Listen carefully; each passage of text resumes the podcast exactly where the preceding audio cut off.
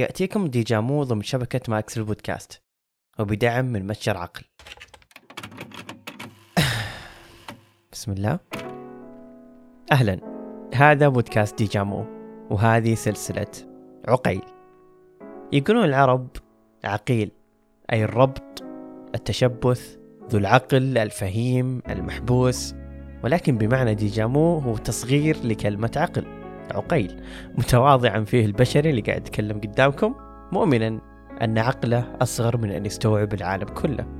آملا من خلال سلسلة عقيل أن يفهم جزءا من المعنى جزء من سلوكيات البشر المعقدين. وطرف بس طرف عن هيئة العالم وجدواه عقيل هو الكائن الصغير في كوكب ما يكفي حروفه. يمكن في حرب الحالة واقف ضد جيوشك عادي. ما جست إسلامي في بالي راسي في عقل غير هادي. ريحة فكرة تقريبا أقرب للنوع الكادي. بين الأبيض والأسود نوعي بعيش رمادي.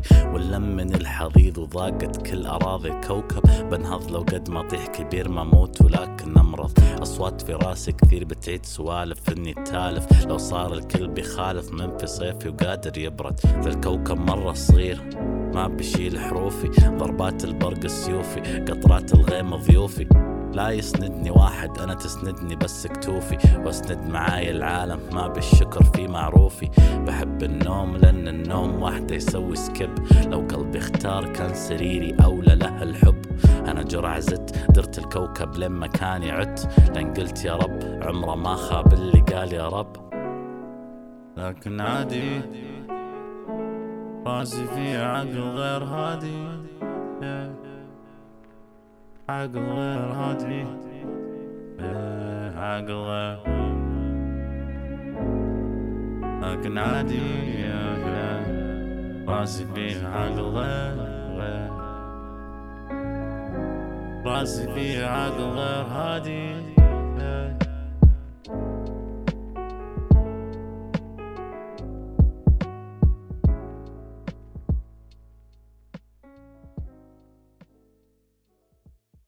في عمر الأربعين عام 2020 في شهر فبراير لما انتصف القمر بيوم 15 انتحرت الممثلة والمقدمة التلفزيونية كارولاين فلاك. The past week has been extremely difficult coming to terms with the loss of our friend and colleague Caroline. Is it okay to just be kind on social media from now on after the death of Caroline Flack? Caroline Flack has died. Caroline Flack. Caroline Flack. Caroline Flack. Colleague Caroline. Caroline Flack. كانت تتعرض كارولاين للضغط المستمر من الإعلام والجمهور بسبب مشاكل قد تكون مفتعلة وغير حقيقية من أحد علاقاتها السابقة. كانت الصحف البريطانية تسمر بالضغط عليها رغم أن المتضرر المزعوم صرح أنه سحب كل ادعاءاته وأنه ما يدعم قرار المحكمة في محاكمتها. هذا الضغط الكبير من الإعلام بعد القضية أدى لطردها من برنامج كانت تقدمه على مدى خمس سنين بسبب خوف البرنامج من ضغط الجماهير عليهم. وفجأة لما انتحرت الكثير من الصحف حذفت مقالاتها وتغريداتها بسرعة بعد موجة كبيرة عكسية اتهموا فيها مشاهير مسؤولين كبار مواقع التواصل والإعلام اللي كانوا سبب رئيسي لموتها حسب ما يقولون. في بريطانيا لدينا محاكم. وسائل التواصل الاجتماعي لا يجب أن تكون هي المحكمة. وبعد يوم من وفاتها استنفر العالم وطالبوا بإيقاف صحيفة The Sun المشهورة. وأي صحيفة أخرى شاركت في الضغط طالبة إقصاء كارولاين من برامجها ومسلسلاتها. وحتى طلبوا يقفلون البرنامج اللي طردها. لاحظتوا المبدأ العكسي المضحك هذا؟ لما جت الطامة بسبب استخدام مبدأ ال cancel culture عليها فجأة المجتمع قرر يستخدم هذا المبدأ على الإعلاميين ووسائل الإعلام اللي كانوا هم سبب في وفاتها. رغم أن البشر نفسهم بمواقع التواصل هم اللي استخدموا هذا النمط من الضغط عليها في البداية. بعدين اكتشفوا أنها مشخصة باضطراب ثنائي القطب وهذا سبب كافي يخلي تأثير الضغط الإعلامي والمجتمعي عليها أكبر مما نتصور. وتغريدة أو تغريدتين ومقال أو مقالين هم المفصل ما بين موت الواحد من عدمه فقط بسبب النبذ والإقصاء المجتمعي.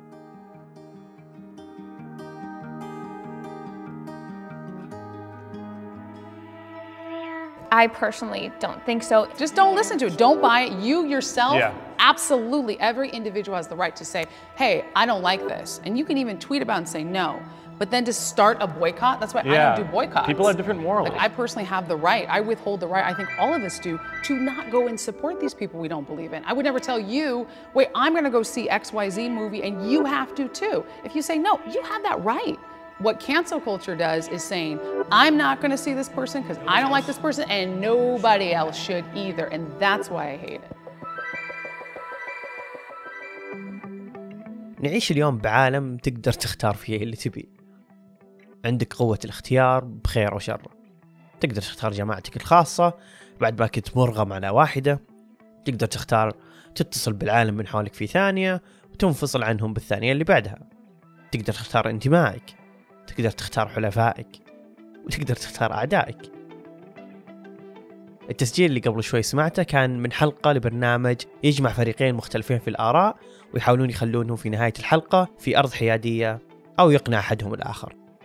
وفي هذه الحلقة كانوا يتكلمون عن ال cancel culture الترجمة الحرفية لها ثقافة الإلغاء ترجمتنا الشخصية في ديجامو ثقافة الإقصاء. هي شكل جديد من أشكال النبذ المجتمعي اللي يتم فيه إقصاء شخص معين من الدوائر الاجتماعية أو المهنية بسبب خطأ معين سواه سواء في عالم الإنترنت وسائل التواصل الاجتماعي أو وجها لوجه.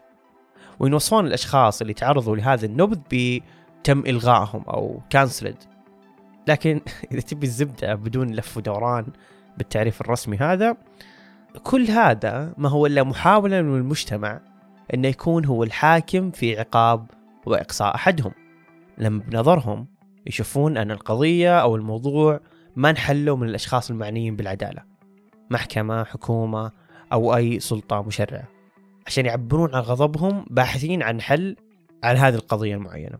بأنهم يعزلون الفرد أو حتى مؤسسة أو ماركة أو حتى برنامج تلفزيوني أو فيلم. أكيد قد مر عليكم لحظات الاستنفار على ماركة معينة لأنها تستخدم آه، بعض الأشياء أو بعض المشاهير لما يغلطون في أمر معين وتبدأ تطلع الهاشتاجات تبدأ يطلع الكلام عليهم في محاولة أنهم يقطعون أي تعاون معهم مع أي جهات أخرى. وهذا قصدنا بالإقصاء. طبعا شيء صحي إنه يكون بيد المجتمع خيار الاتحاد مع بعضهم ضد الأشخاص اللي سووا شيء ما يغتفر. وهذا مصدر قوة مرة كبير وعظيم لأنه يخلي الناس اللي مختبئة بسوءها تخاف وتفكر مرتين في أغلاطها عشان ما تتحاسب. ويا كثر الأمثلة والمواقف اللي كانت فيها ال social media التغيير اللي خلى الدول والعدالة تتحرك لقدام بعد ما كانت ساكنة وراكدة لأعوام تجاه قضايا أخلاقية أو عرقية أو حقوقية تتعلق بالحرية والمساواة وغيرها. وحتى أشياء أدق مثل حماية البيئة والحيوانات. كل فترة تطلع حملات أو مظاهرات هدفها إيقاف بعض الماركات اللي تستخدم الأطفال كعمالة في الدول الفقيرة أو تستخدم الحيوانات في تجاربها ومنتجاتها وهذا شيء مرة يفرح. لكن الموضوع هنا أن سهولة الاستخدام أو سهولة استخدام هذا ال- الكرت الإقصائي في هذه الأيام يصنع أكثر عصر مخيف في حياة البشرية. بنظري لما تكون ال social media هي الحاكم الأول والأخير اللي يقرر إنه هم okay أنت منت بكويس في مجتمعنا bye. لأن الحلول الجذرية هذه لما تكون بيد الجميع 100% راح يساء استخدامها.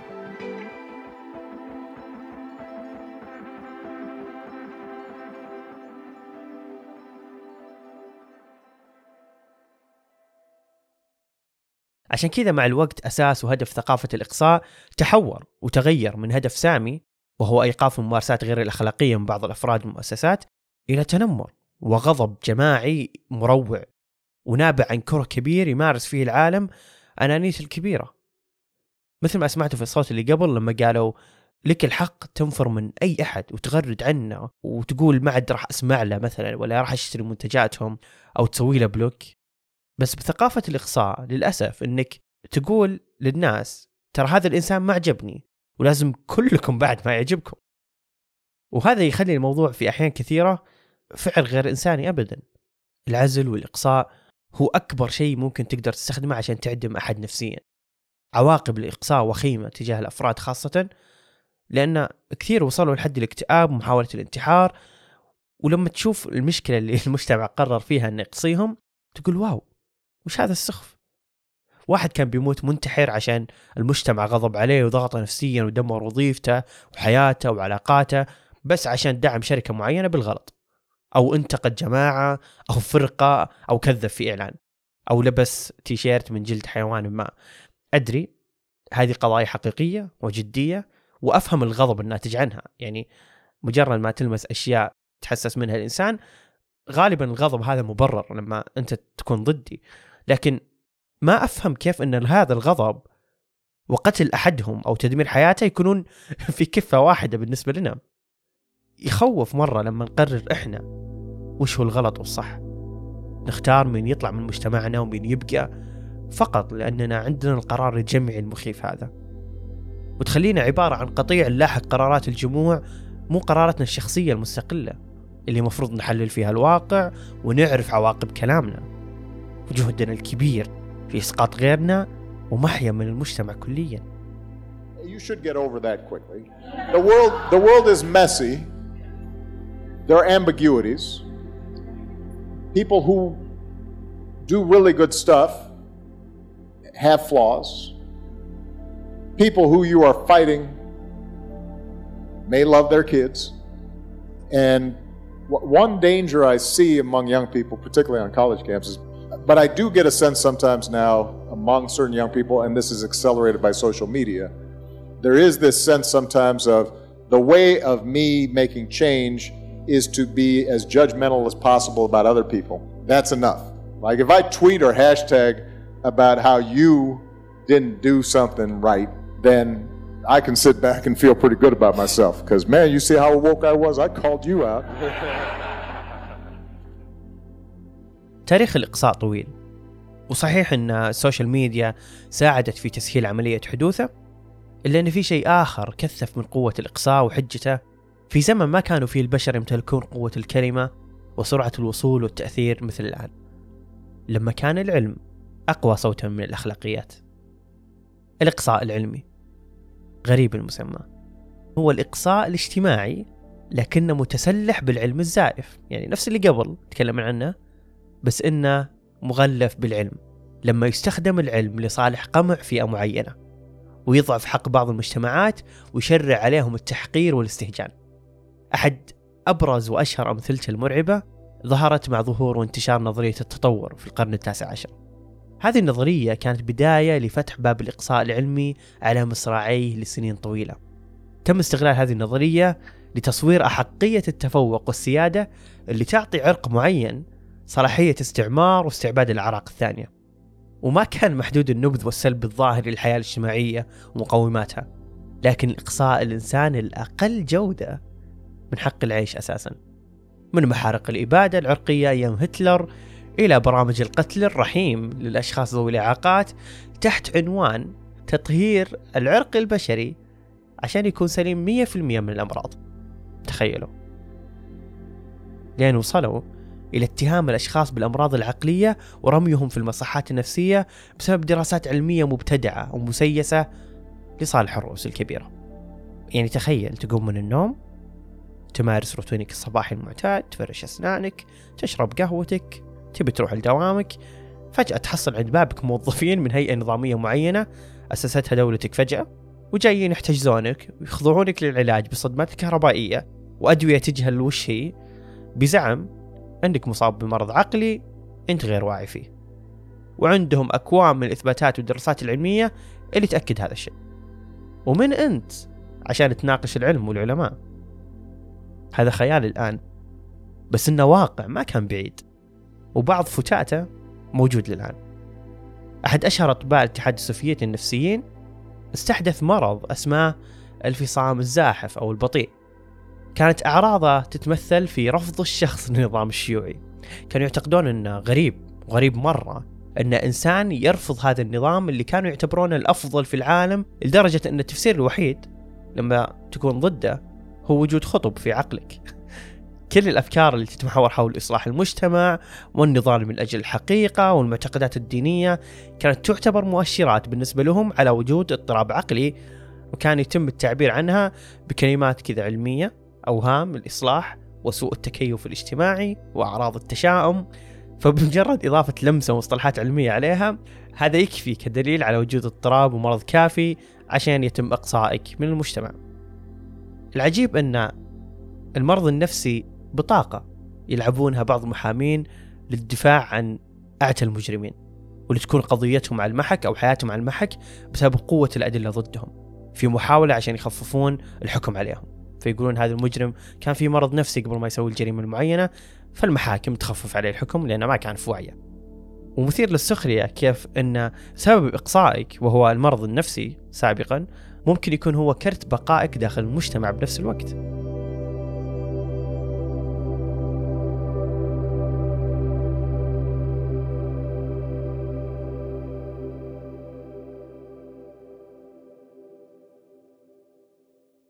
لما نتكلم عن الإنسان كفرد الكائن اللي تحركه مشاعره إيش نوع المصالح اللي هو يسعى وراءها؟ وهل هو واعي فيها ولا لا؟ بمعنى نعرف السياسة ليش تبي تقصي شخص معين لكن الإنسان كفرد ليش بيقصي إنسان آخر؟ يتكلم الكاتب جوليان بيندا في كتابه خيانة المثقفين عن مصطلح المشاعر السياسية وهي المشاعر اللي تحسس الإنسان بنوع من التميز والاختلاف والتسامي عن باقي البشر من حوله. بلغة أخرى الغرور البشري أو الإيجو وهو الشيء اللي جالسين نصارع معه في فكرة هذه الحلقة وهو الإقصاء المجتمعي. لما تكون الحياة عن غرور الإنسان لما يبدأ يبيع كل قيمه ويسخر كل الأدوات اللي تعطيه السلطة اللي يحتاجها أيا كان نوعها علمية كانت أو اجتماعية في سبيل إرضاء هذا الغرور اللي داخله. إحنا في عصر تخربطت فيه القيم. صرنا نحددها فقط بالنظر للمنفعة اللي بنكسبها منها. لكننا ما نطالع بعيد كفاية. الإنسان اللي يشارك بالإقصاء ما ينظر للبعد الكافي اللي يوريه فداحة فعله مقارنة بالموقف اللي قاعد يعطي ردة فعل تجاهه.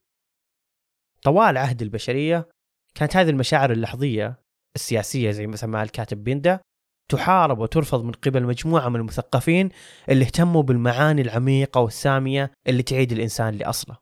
مو بالمصالح ولا إشباع الغرور. اهتموا بالقيم اللي توحد البشر وتجمعهم. ما تفرقهم وتحشدهم على بعض. والأمثلة على هذول كثير منها ليوناردو دافنشي جاليليو نيوتن وغيرهم. في ذاك الزمن كان الخير ما زال واضح لأن هذول المثقفين كانوا حراس على باب القيم الإنسانية والأخلاقية ويذكرون فيها دائم بكتاباتهم وأعمالهم. صحيح أن هذا ما منع الشرور وما حقق الغاية في صنع عالم إفلاطوني مثالي ما في أخطاء ولا آثام لكن على الأقل منع اللبس وأداء مرتكبيه وأشر عليهم. بس الممارسات الأخلاقية بدأت من أفكار حظت على دعم أشخاص لهم مكانتهم الثقافية أو الاجتماعية أو العلمية وهنا تحديدا كانت السقطة. لما اختاروا مناصبهم السياسية وقربهم للحكام على كلمة الحق. أصبحت طاقاتهم وجهودهم المسخرة في خدمة الإنسانية سابقا مسخرة في صناعة المشاعر السياسية وإلباسها ثوب الفضيلة. صارت الأخلاق تبنى على السياسة وصاروا الناس يحكمون منفعتهم بعدين يلبسونها مظهر أخلاقي. وبكذا كانت خيانتهم هي الخيانة العظمى للإنسانية.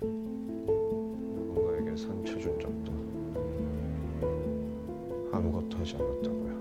저는 10년이 넘는 시간 동안 생각하고 또 생각했어요. 누군가에게 상처 준 적도. في المسلسل الكوري هيل بوند حاول المجتمع في كوريا أنه يعطي نفسه سلطة وأحقية في تنفيذ أحكام مشيئة الرب زي ما سموها بإعطاء نفسهم صلاحية إقصاء وقتل كل آثم بنظرهم وفضحه قدام الجميع عشان يخاف أي أحد يسوي معصية بدأوها بأنهم يكررون ويروجون لعبارات تؤكد ضعف الأحكام البشرية تجاه المجرمين. الغريب كيف يشكك الواحد بأحكام البشر القضائية؟ بس جاهز يرفع نفسه في مقام أعلى ويقول إنه هو قادر إنه يكون عادل أكثر منهم. وهو بشر برضو.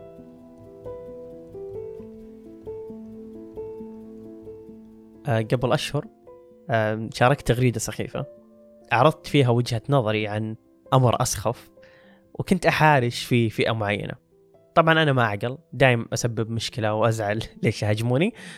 لكن بعد دقائق مو حتى ساعات جاري تويت غريب من حساب عنده 10000 متابع. ومن بعدها واليومين متتالية قبل أقفل حسابي تمت مهاجمتي ومهاجمة شخصي والوصول لمتجري الخاص اللي ما قد تكلمت عنه بالحساب ما أدري شلون جابوه. وحتى منشلوا جامعتي اللي متخرج منها ولا عندهم سلطة علي خلاص أنا متخرج الجامعة ما عاد عندها سلطة علي بس كانوا عندهم رغبة بأن تقرر الجامعة مثلا فعل شيء اللي طالبهم هذا اللي قال فكرة ما تلائم فكرتهم أول شيء سألت نفسي هل أنا سويت شيء غلط؟ هل غلطي متعلق بأمر أخلاقي؟ هل من حقي أتحدث عن أفكاري بصوت عالي إذا بتكلم عن موضوع يمس شريحة معينة؟ وأخيرا ليه قفلت الحساب؟ دام أعرف إني ما غلطت جواب على السؤال الأول لا ما سويت شيء غلط. جواب للسؤال الثاني لو كان غلط لو فعلي أنا هذا غلط ممكن في نسبة أن يكون أنا غلط لكنه مو متعلق بأمر أخلاقي. والجواب على السؤال الثالث أصلا هل في نقد ورأي ما يمس شريحة معينة؟ لأن كل رأي هو عبارة عن المساس برأي شخص آخر بشكل غير مباشر. فهل لازم كلنا نسكت ونصنع عالم وردي الكل فيه صح والكل يسوي اللي بيه دامه ما ضر أحد ستيل ما ضر أحد الجواب للسؤال الرابع والأخير قفلت حسابي لأنهم حقيقة كانوا أقوى مني. مو بالحجة بالكثرة والغضب اللي كانوا يحملونه تجاهي فقط لأني عرضت رأيي. ما مسست الأخلاقيات ولا المسلمات ولا الدين ولا السياسة ولا صادرت أي رأي. لكن هم اللي كانوا يبون يصادرون رأيي ووجودي على هذه الحياة اللي هي مسلمات الحقوق البشرية أن يكون عندك رأي وأنك تكون موجود على هذه الأرض. وكانوا يعتقدون أنهم يقدرون يسلبوني هذا الحق.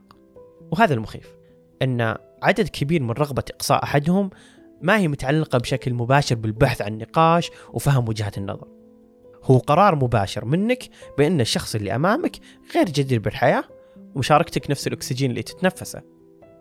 ليش؟ لأنك مختلف عن زاويته في رؤية موضوع معين. فلما تشوف أنت أن زاويته ما تناسبك تتصور بطريقة أنانية أن الكل لازم ما يشوف فكرته. فخلينا نمحيه ونخرب حياته ونكسر مشاريعه وعقوده فقط لأنه بتفكير مغاير أو حتى سيء. لكن التفكير السيء ما يكفي أبدا لإقصاء أحدهم. كلنا نذكر موجة من موجات تويتر المرعبة عندنا بالسعودية لما دخلوا جوجل ماب وشاركوا تعليقات وتقييمات سيئة جدا على أحد المشاريع. ناسي صراحة وش كانت مشكلة المكان لكن متأكد 100% أنها ما كانت مشكلة أخلاقية. بس هذه قدرة مرعبة بيد كل أحد يسويها الصالح والطالح. وهنا مشكلتي.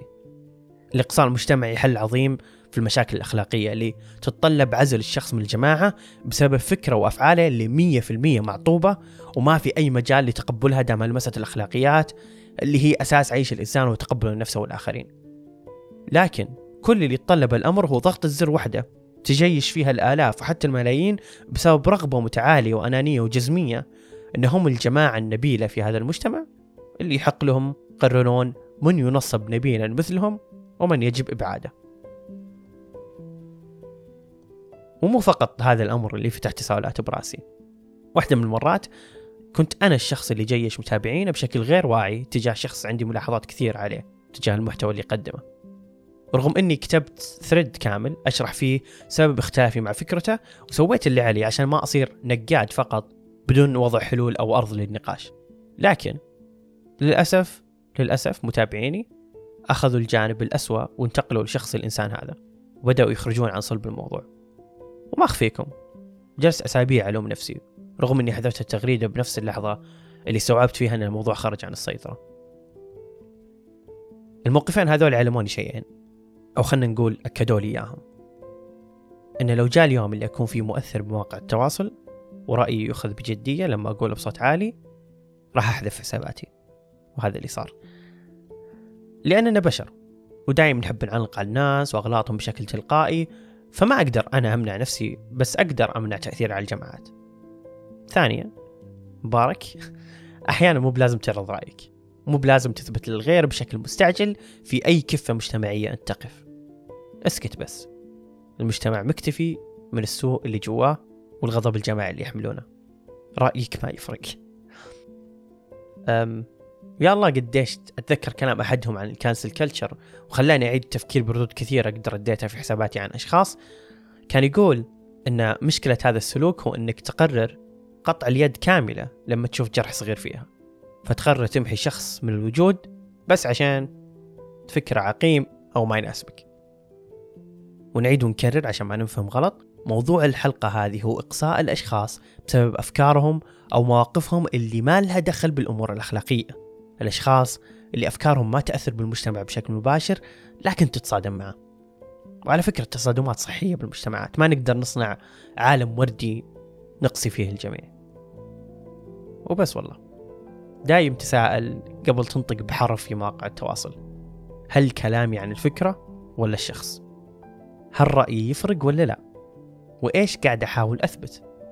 وأخيرا هل لو كنت بالجهة المقابلة راح ترضى يتم إقصائك بسبب أفكارك المختلفة؟ أنا مبارك.